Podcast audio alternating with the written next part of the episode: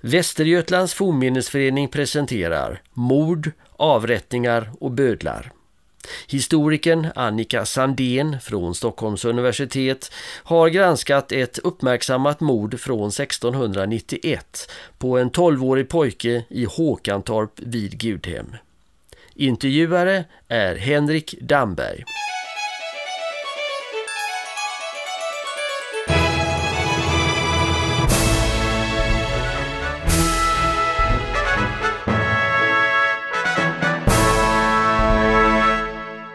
Västergötlands historiepodd handlar idag om mord, avrättningar och bödlar.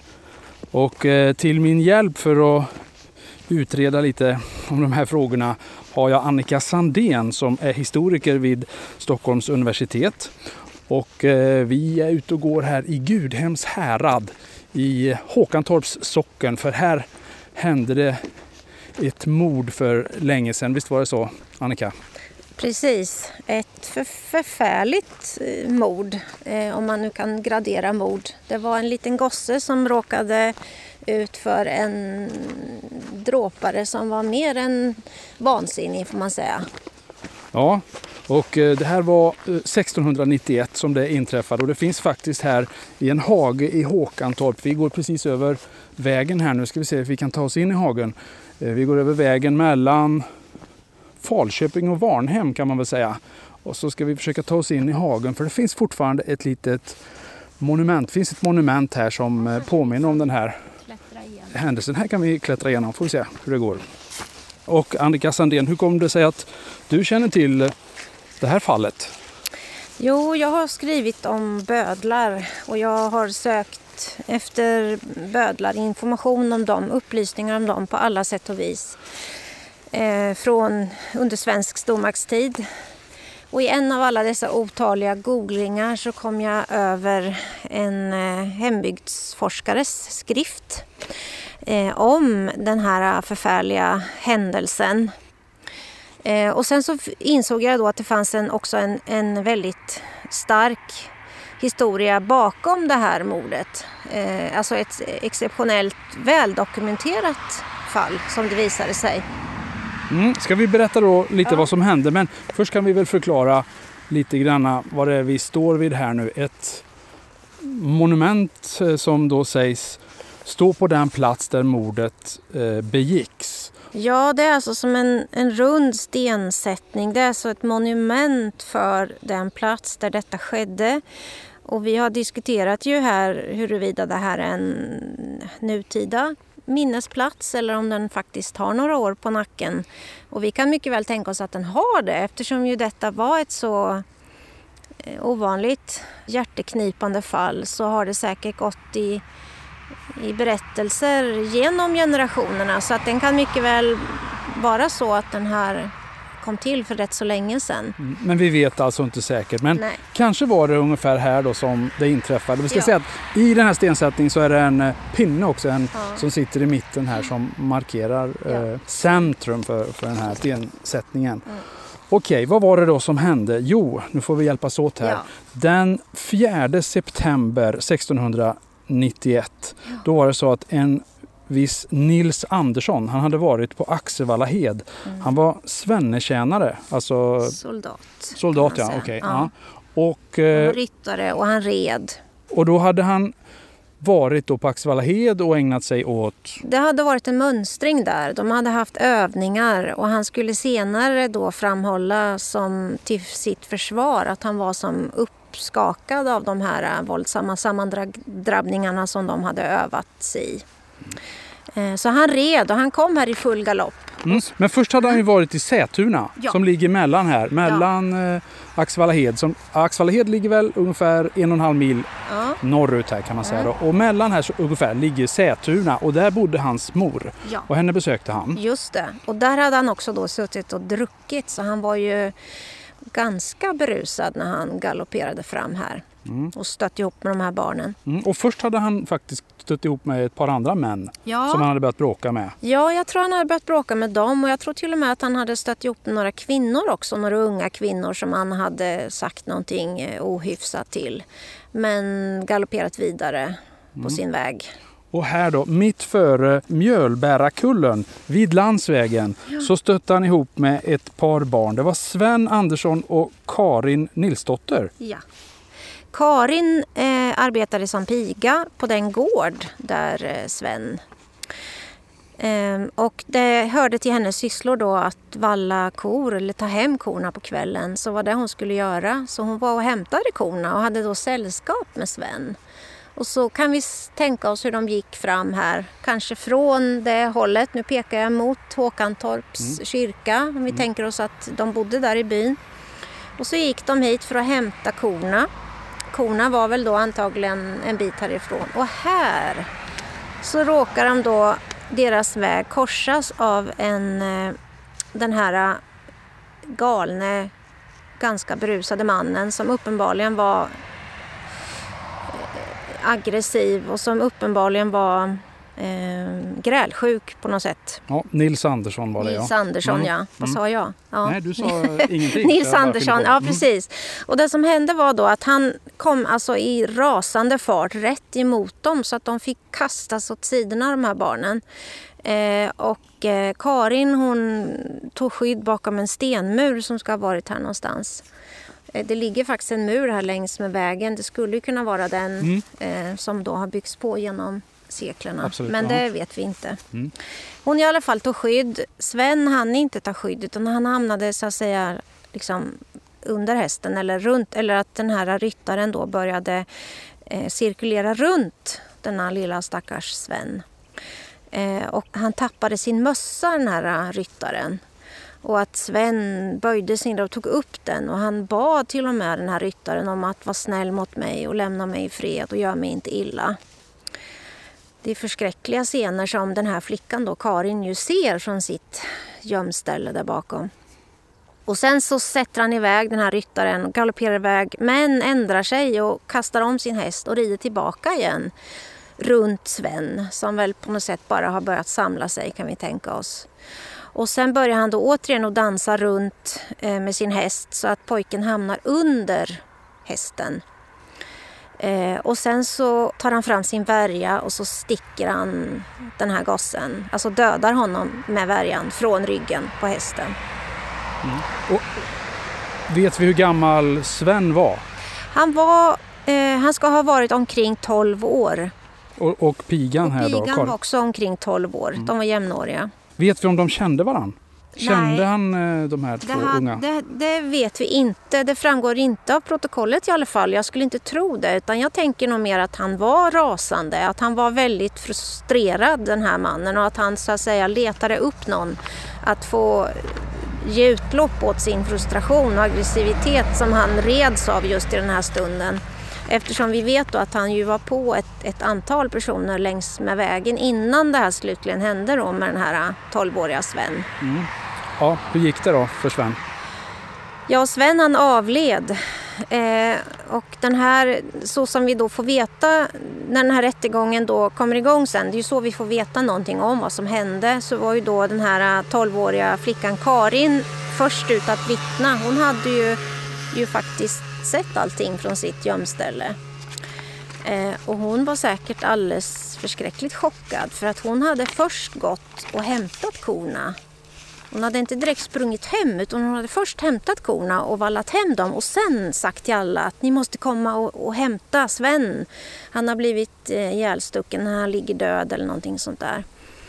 Eh, och det är ju ett otroligt eh, fantastiskt eh, formulerat protokoll i den här domsboken. Det är alltså hela 12 sidor långt, väl dokumenterat och det är som att den här eh, notarien har verkligen målat upp bilder som vi kan se framför oss idag om hur till exempel då den här eh, lille pojken Sven eh, hans, eh, där han bodde, grannen där, jag tror han hette Arvid, grannen där som hade gått till sin kvarn efter middagen. Han hade en liten kvarn och sen hade han gått ut och tagit in kvällen och tänt sig en pipa och så satt han där. Och han kunde då på håll se hur Karin liksom nästan springer med korna ner för kullen och, och skriker liksom så här och säger någonting. Och att de, han hör ju inte vad de säger men han ser att någonting har hänt och så går han dit och så får han veta.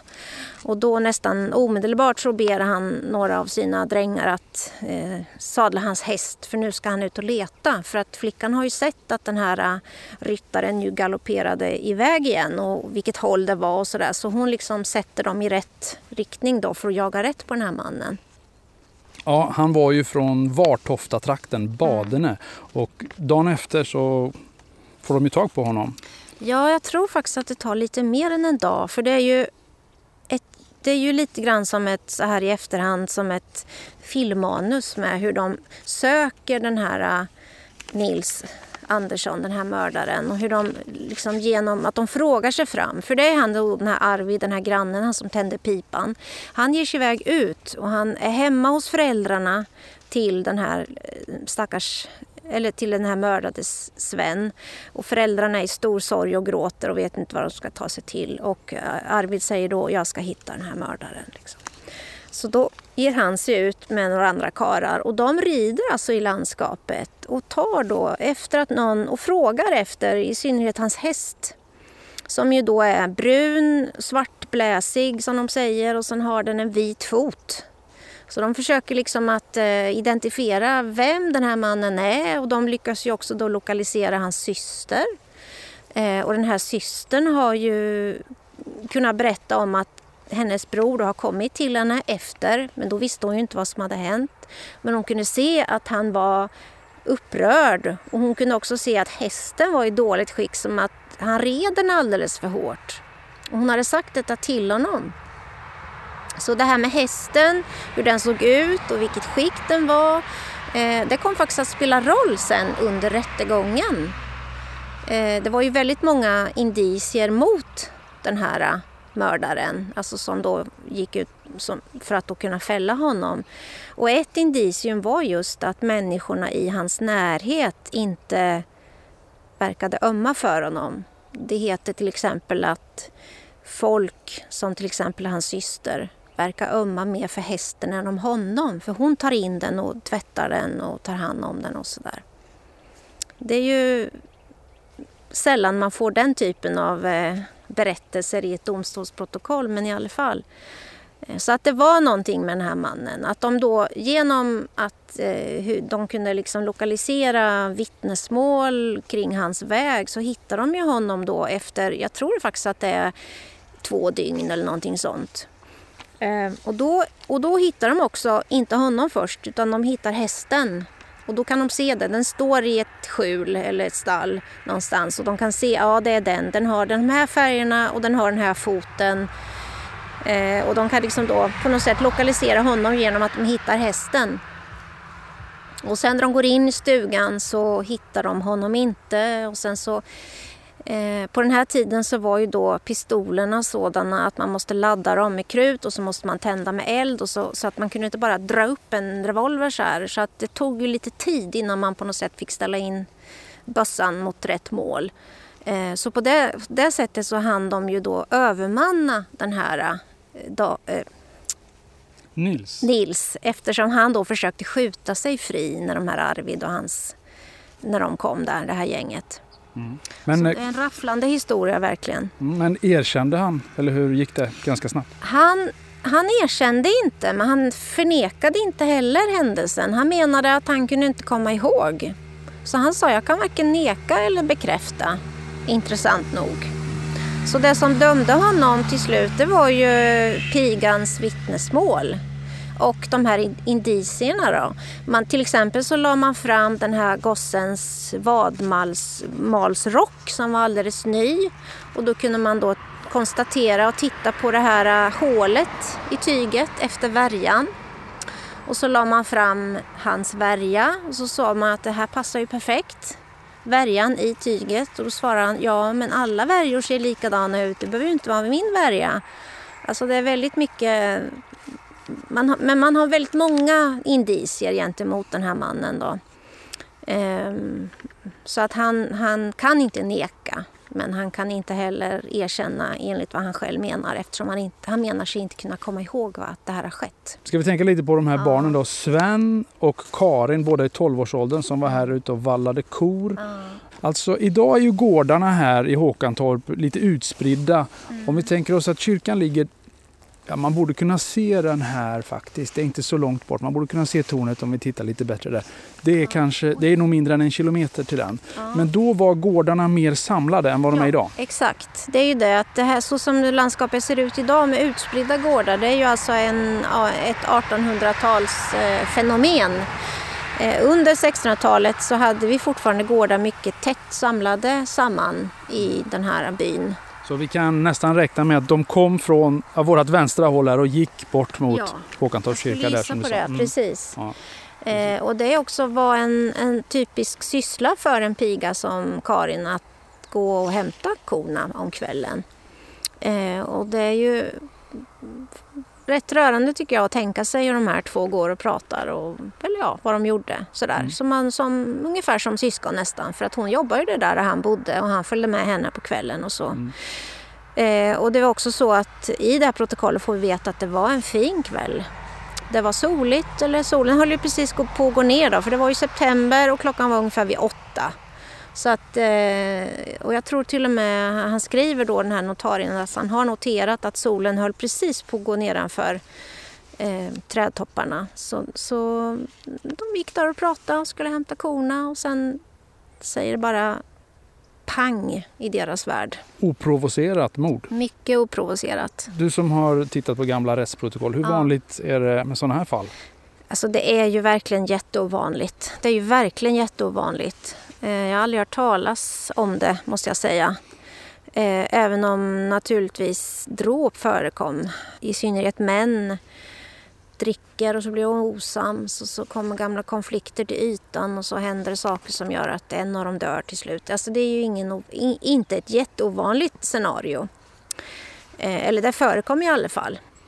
Och straffet för detta blev det blev ett så kallat kvalificerat dödsstraff som innebar att han blev då eh, halshuggen. Eh, men att hans huvud, eller att han skulle parteras, han skulle, hans kroppsdelar skulle, böden skulle sära på hans kroppsdelar eh, och hänga, spika upp hans huvud med en stor pålspik. Ah, Okej, det får vi eh, återkomma till här. För vi får eh, förflytta oss till avrättningsplatsen som ligger i grannsocknen Segerstad. Mm. Det är några kilometer bort här. Mm. Vi tar oss dit. Ja.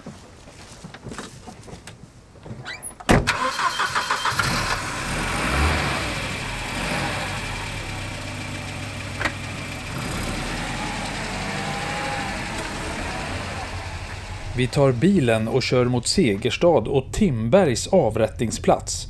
Den lilla grusvägen som vi kör på går genom ett kuperat skogsområde med ek och hassel och vi kommer fram till en kohage där vi först får öppna en grind och sen en grind till när vi ska ut ur hagen och bort från de nyfikna korna. Där ligger ett torp målat i falurött och med vita knutar som heter Timberg.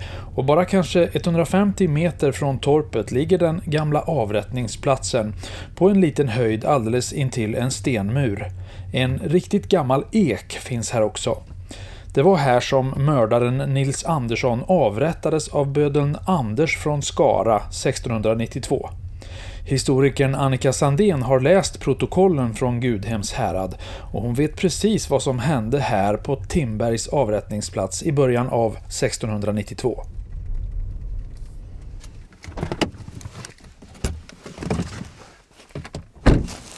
Så där, nu har vi efter många om och men tagit oss till den gamla avrättningsplatsen i Gudhems härad som ligger i Segersta socken. Och det var inte helt lätt att hitta hit. Jag har varit här en gång förut men här är det i alla fall. Och eh, ja, Annika, beskriva det vi ser här.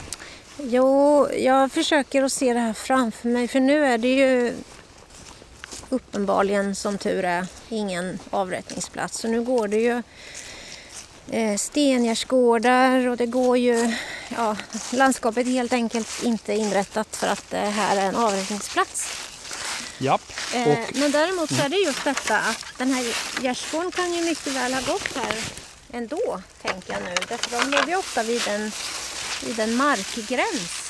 Gjorde avrättningsplatser där? Okej. Eftersom ingen, ingen vill ha en avrättningsplats på sin gård eller sin mark. Eh, Det var ju ett magiskt tänkande vid den här tiden och det var ju platser som var eh, otäcka på väldigt många olika sätt. Så vill man helst inte ha hos sig eller nära sig. Så, så, här, så det är troligt att ja, det var en gräns, ett gränsområde här? Gränsområde Ja. och sen också det att vi har som en, det är en kulle i landskapet, att vi kan se det här. Om vi nu tänker oss att det här var en plats eh, där det kanske stod en rest galge eller åtminstone att man ställde upp en galge, man monterade en galge i den mån man behövde en sån för att hänga någon. Och här, det, det som är mest synligt här idag det är ju den här gamla eken som ju måste ha funnits på den Det tiden. kan den absolut mycket väl ha gjort.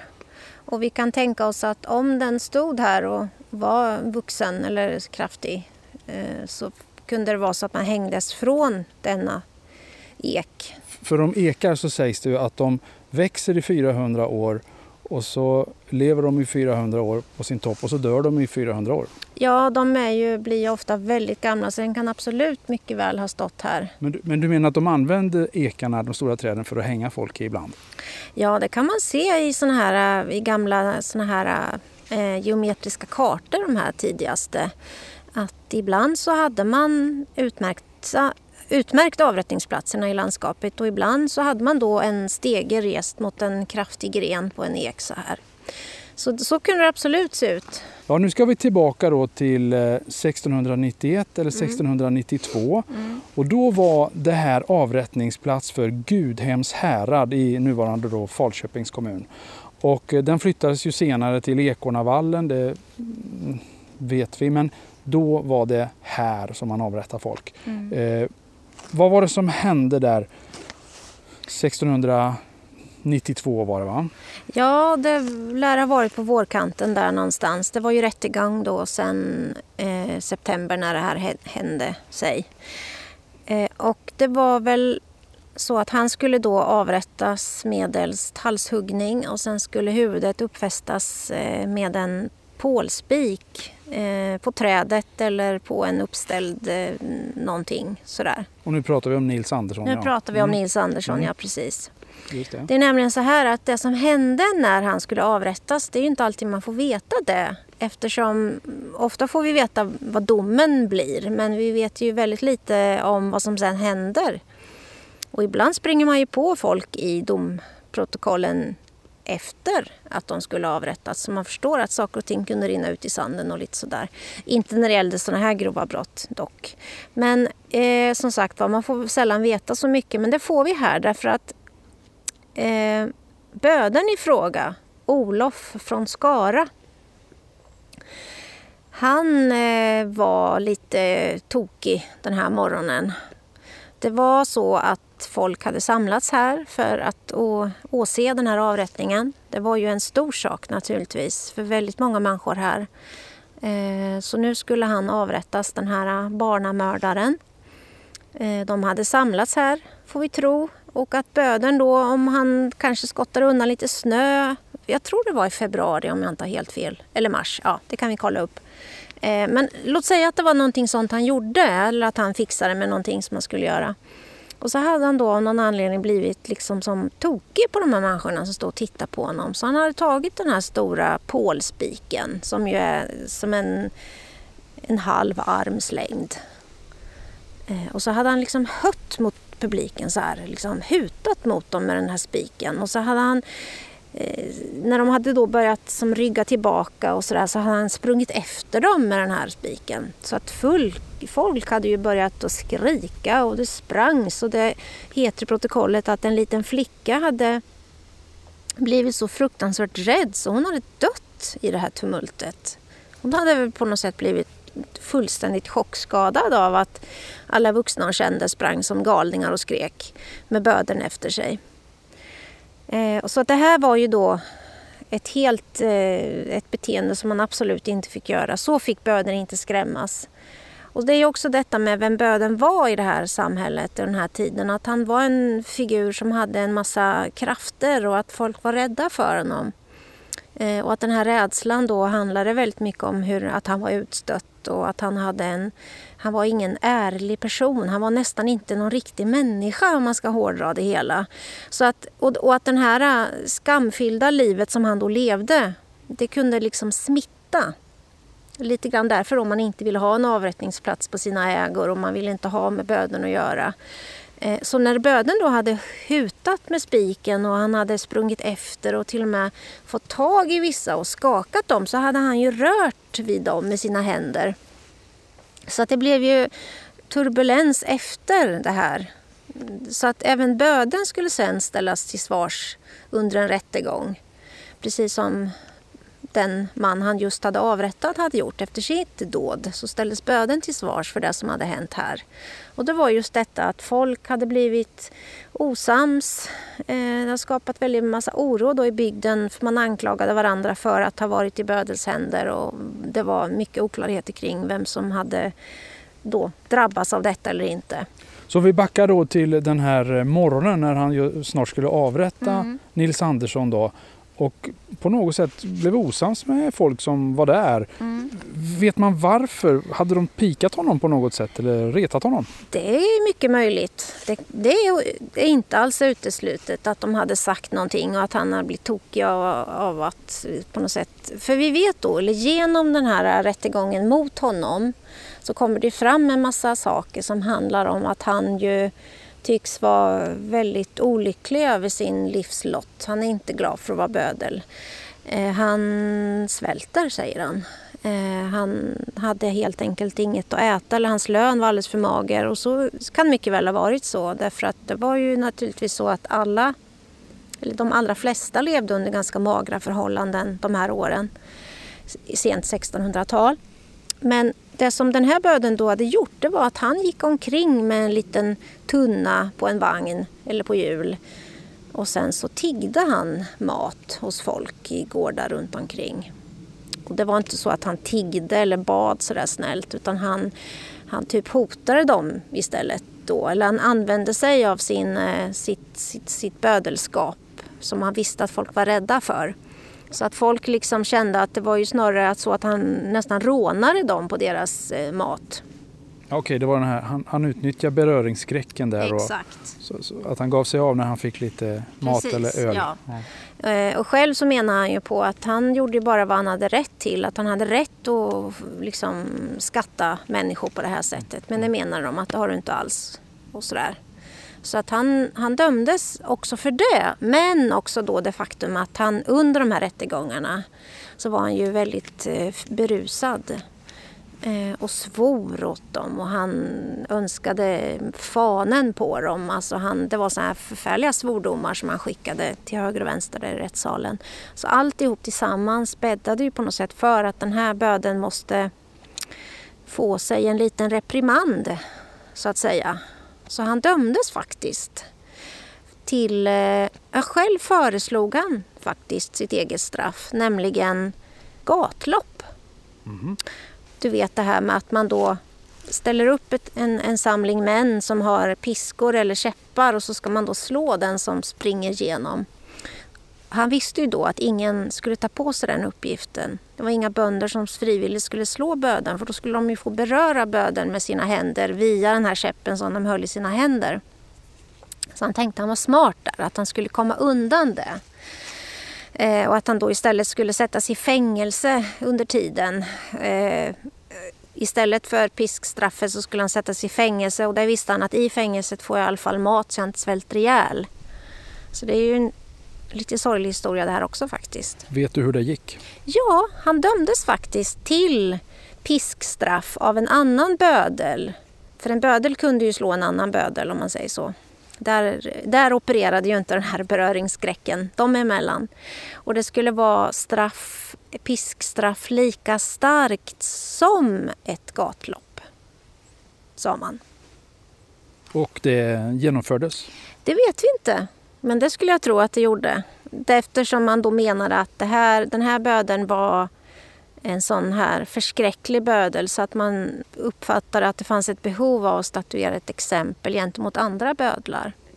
Annars är det ju så att man använder böden som påtryckningsmedel eller sanktionsmedel för folk i allmänhet. Men här behövde man då också skicka en varning till böden i fråga. Så man då tog in en annan bödel. som det var uppenbarligen så att inte alla bödlar eh, höll måttet i överhetens ögon.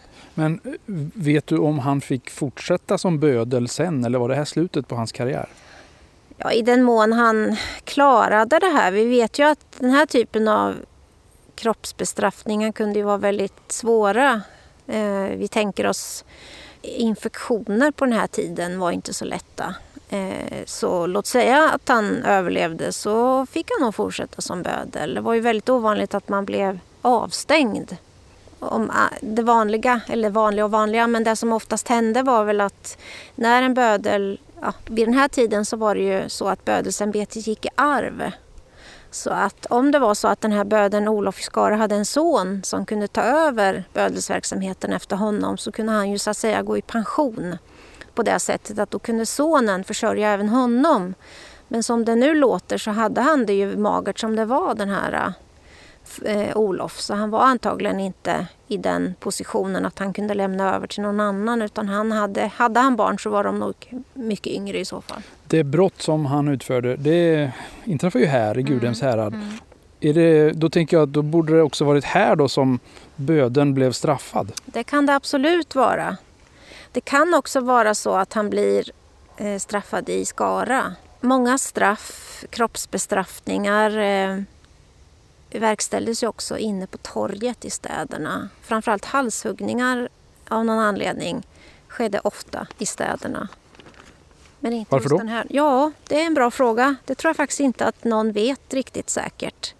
En, tänk, en hypotes eh, är i alla fall att dödsstraff Eh, om vi tänker oss när dödsstraffen blev vanligare efter Magnus Erikssons landslag 1350 så var ju hängning det straff som nästan alltid eh, verkställdes i den mån det var aktuellt med ett dödsstraff. Därför att nästan alla Alltså de brott som genererade dödsstraff var nästan alltid stöld.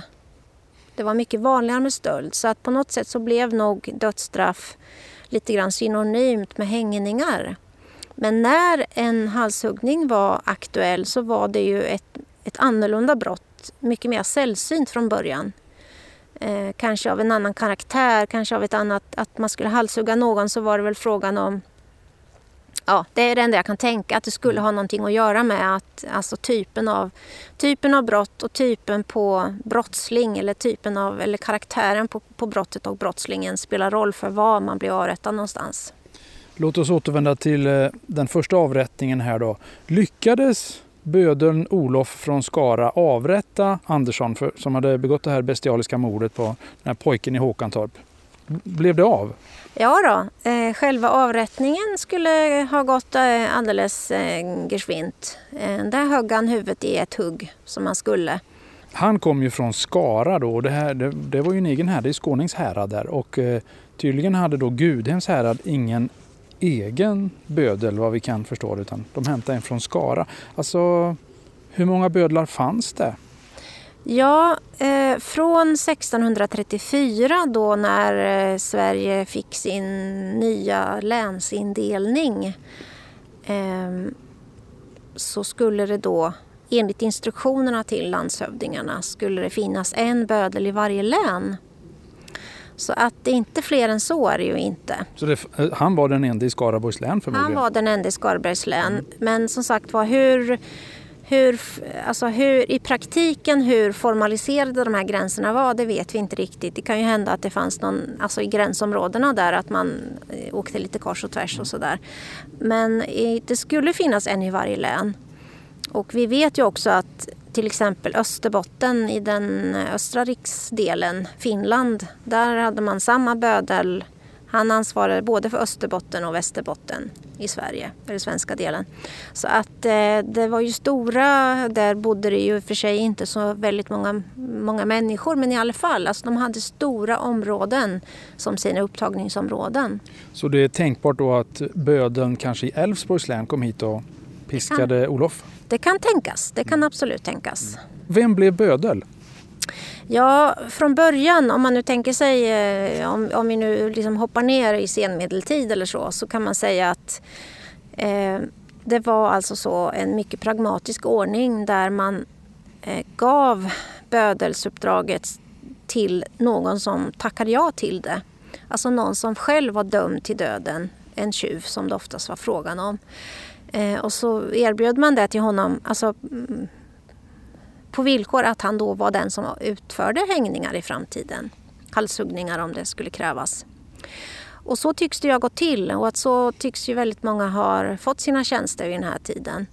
Men att de stannade inte så, så länge på tjänsterna utan att det här var ju då personer som på något sätt eh, levde då i marginaliserade delar av samhället redan från början tycks det. Men, men du pratar om det här med oberörbarheten och den här stigmat mm. som fanns då för bödlar. Om man slutade som bödel, kunde man ta andra jobb då eller bar man inte vidare på det här stigmat då? Jo, det är precis så. Och det är väl det som gör att de här bödlarna som det, som det ser ut då under senmedeltid och in på 1500-talet och sent tidigt 1600-tal det är just att de stannar väldigt sällan några längre tider utan efter två år, kanske tre år så har de då i sitt bödelskap begått nya brott. Eller trots att de är bödlar så har de begått brott och blir dömda till döden på nytt. Och då så måste man då kalla in en annan person för att avrätta böden. Kanske då om böden har haft en kumpan med sig. För att även om Böder nu var så här som besmittad med skam och ingen hedlig människa ville liksom ha med honom att göra så fanns det ju så fanns det andra som Böden som liksom han var en outsider. Eller det fanns de som av olika skäl ju levde sina liv på samhällets skuggsida och som kanske då inte hade så mycket att förlora på att hänga med Böden. Att det tvärtom då i sådana fall kunde vara en fördel att ha en sån man vid sin sida. Hur många mord per år tror du att han hade att, eh, så att säga, avrätta för? Eh, Hur många uppdrag tror du att Olof ja, hade? Olof han kan ha haft, jag kan tänka mig att han, det är ju väldigt, det är ganska olika men eh, det finns en bödel i eh, någon, ska vi se, det var i Småland i alla fall någonstans som hade fick betalt för sex avrättningar under ett år som han hade gjort då på olika ställen.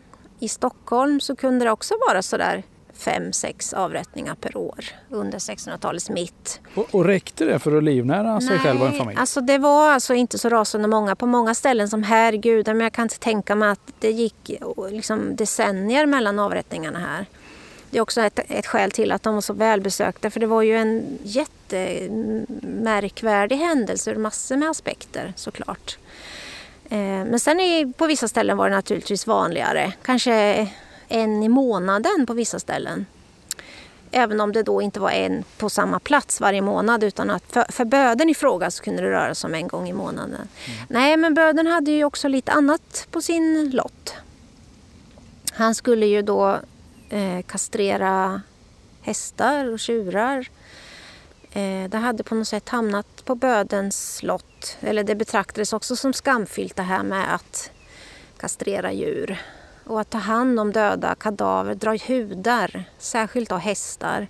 Vänta nu lite. Eh, det trodde jag var bödens medhjälparen, rackaren, som gjorde de här sakerna. Ja, alltså från början så var det böden och bödens hjälpdräng, rackaren, som gjorde de här sakerna. Men det vi ska komma ihåg är just det här att precis som vi varit inne på så, så, så ärvde ju böden eller böden Alltså någonstans vid mitten av seklet så började bödelsämbetet gå i arv. Alltså från det här med att de hade då rekryterats för att de var dödsdömda så började det bli så att de söner tar över efter pappa. Som ett sätt att trots allt hålla den här... Alltså det är väl ekonomi det handlar om. Att här finns faktiskt något att leva av. Hur illa betraktat det här ändå är så är det svåra tider, svårt att leva. Böden som ju ofta då hade en hustru, fick barn, de ärvde ju hans, eller delade hans utsatthet. Här fanns kanske någonting att leva av om vi tänker att bara lilla Skara och många andra städer runt om i Sverige växte ju till sig på 1600-talet. Det, finns alltså, det öppnade sig då alltså som en marknad för det som bödlarna gjorde och deras rackare. Och om vi tänker oss då att bödelsysslan trots allt inte var så där rasande så många avrättningar per år skedde det inte i Sverige, tycks det. Så att man behövde ha nya bödlar och nya bödlar och fler och fler. Alla barn till bödlar kunde inte bli bödlar när de blir stora. Men däremot så kunde man ju då eh, bli en rackare. Så att rackare är ju en yrkesgrupp som växer till under 1600-talet. Tycks det som att här finns faktiskt en marknad att leva av. I synnerhet då sedan man under 1500-talet verkligen har börjat det har vuxit fram en marknad för såna här animaliska produkter som talg och hudar. Och, alltså det här när, man, när, man, när ett djur dör så finns det väldigt mycket man kan, kan eh, ta från djuret för att sen sälja av på en marknad. Eh, så att det fanns alltså någonting att leva av. Och sen om vi tänker då de här städerna som växer fram i Sverige. Så alla dessa latriner som ska tömmas, renhållning, skorstensfejning. Det finns en, en rad uppgifter som har att göra med renhållning som eh, har ett mycket lågt anseende hos etablerat folk men som ju då uppenbarligen ändå finns där. Men, men alltså att vara bödel var då lite finare än att vara rackare? Från början så var det ju så eftersom bödeln var ju anställd av städerna och avlönad av städerna. Men rackaren var från början bara hans egen anställde. Frilansare? Precis. Alltså vem som helst kunde så att säga komma in och bli rackare hos en bödel.